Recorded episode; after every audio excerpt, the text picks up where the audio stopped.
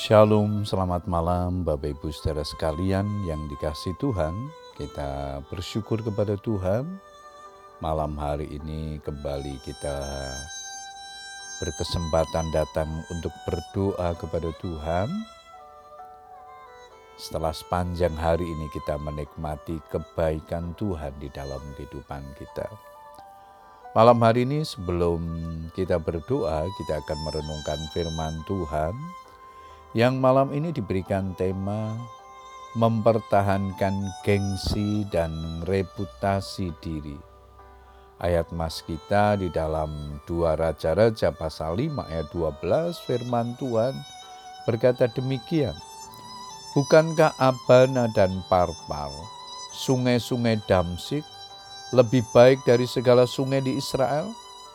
Bukankah aku dapat mandi di sana dan menjadi tahir? Kemudian berpanggilnya ia dan pergi dengan panas hati. Bapak Ibu saudara sekalian, harta, jabatan, kepintaran, popularitas diri adalah hal-hal yang sangat berharga di mata dunia. Semua orang memimpikan dan berusaha meraihnya. Sebab dengan memiliki semuanya, orang akan dipandang besar dan berarti.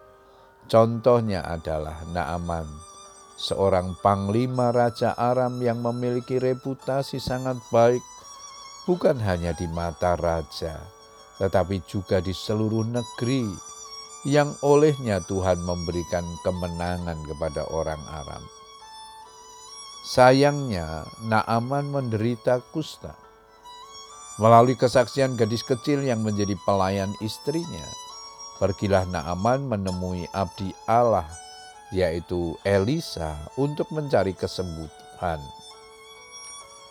Betapa terkejut dan kecewanya Naaman sesampainya di kediaman Elisa, sebab abdi Tuhan tersebut tidak melakukan seperti yang diharapkan, menumpangkan tangan atau berdoa, malahan hanya mengutus orang suruhan untuk menemui dan menyampaikan pesan Pergilah mandi tujuh kali dalam sungai Yordan, maka tubuhmu akan pulih kembali sehingga engkau menjadi tahir.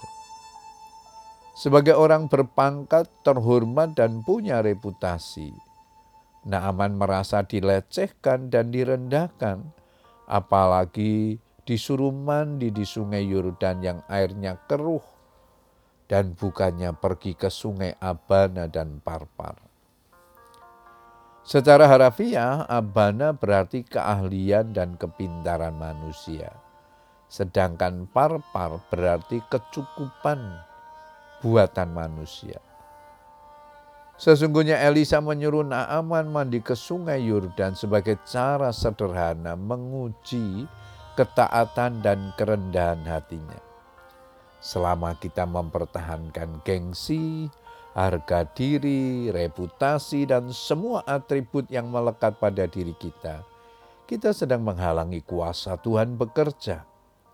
Memang tidak mudah merendahkan diri, terlebih bagi mereka yang berada di atas, yang cenderung ingin dihormati, diprioritaskan, dan dilayani. Selama kita mengandalkan kekuatan dan kepintaran manusia kita, meremehkan kuasa Tuhan.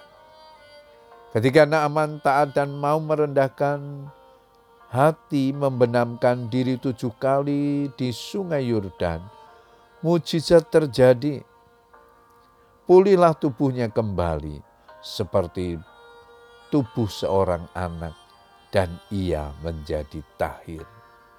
Ketaatan dan kerendahan hati adalah langkah awal mengalami mujizat Tuhan. Puji Tuhan Bapak Ibu Saudara sekalian, piala kebenaran firman Tuhan ini menolong kita untuk terus belajar rendah hati di hadapan Tuhan.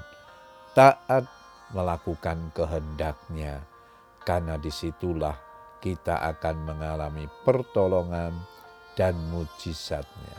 Selamat berdoa dengan keluarga kita. Tuhan Yesus memberkati. Amen.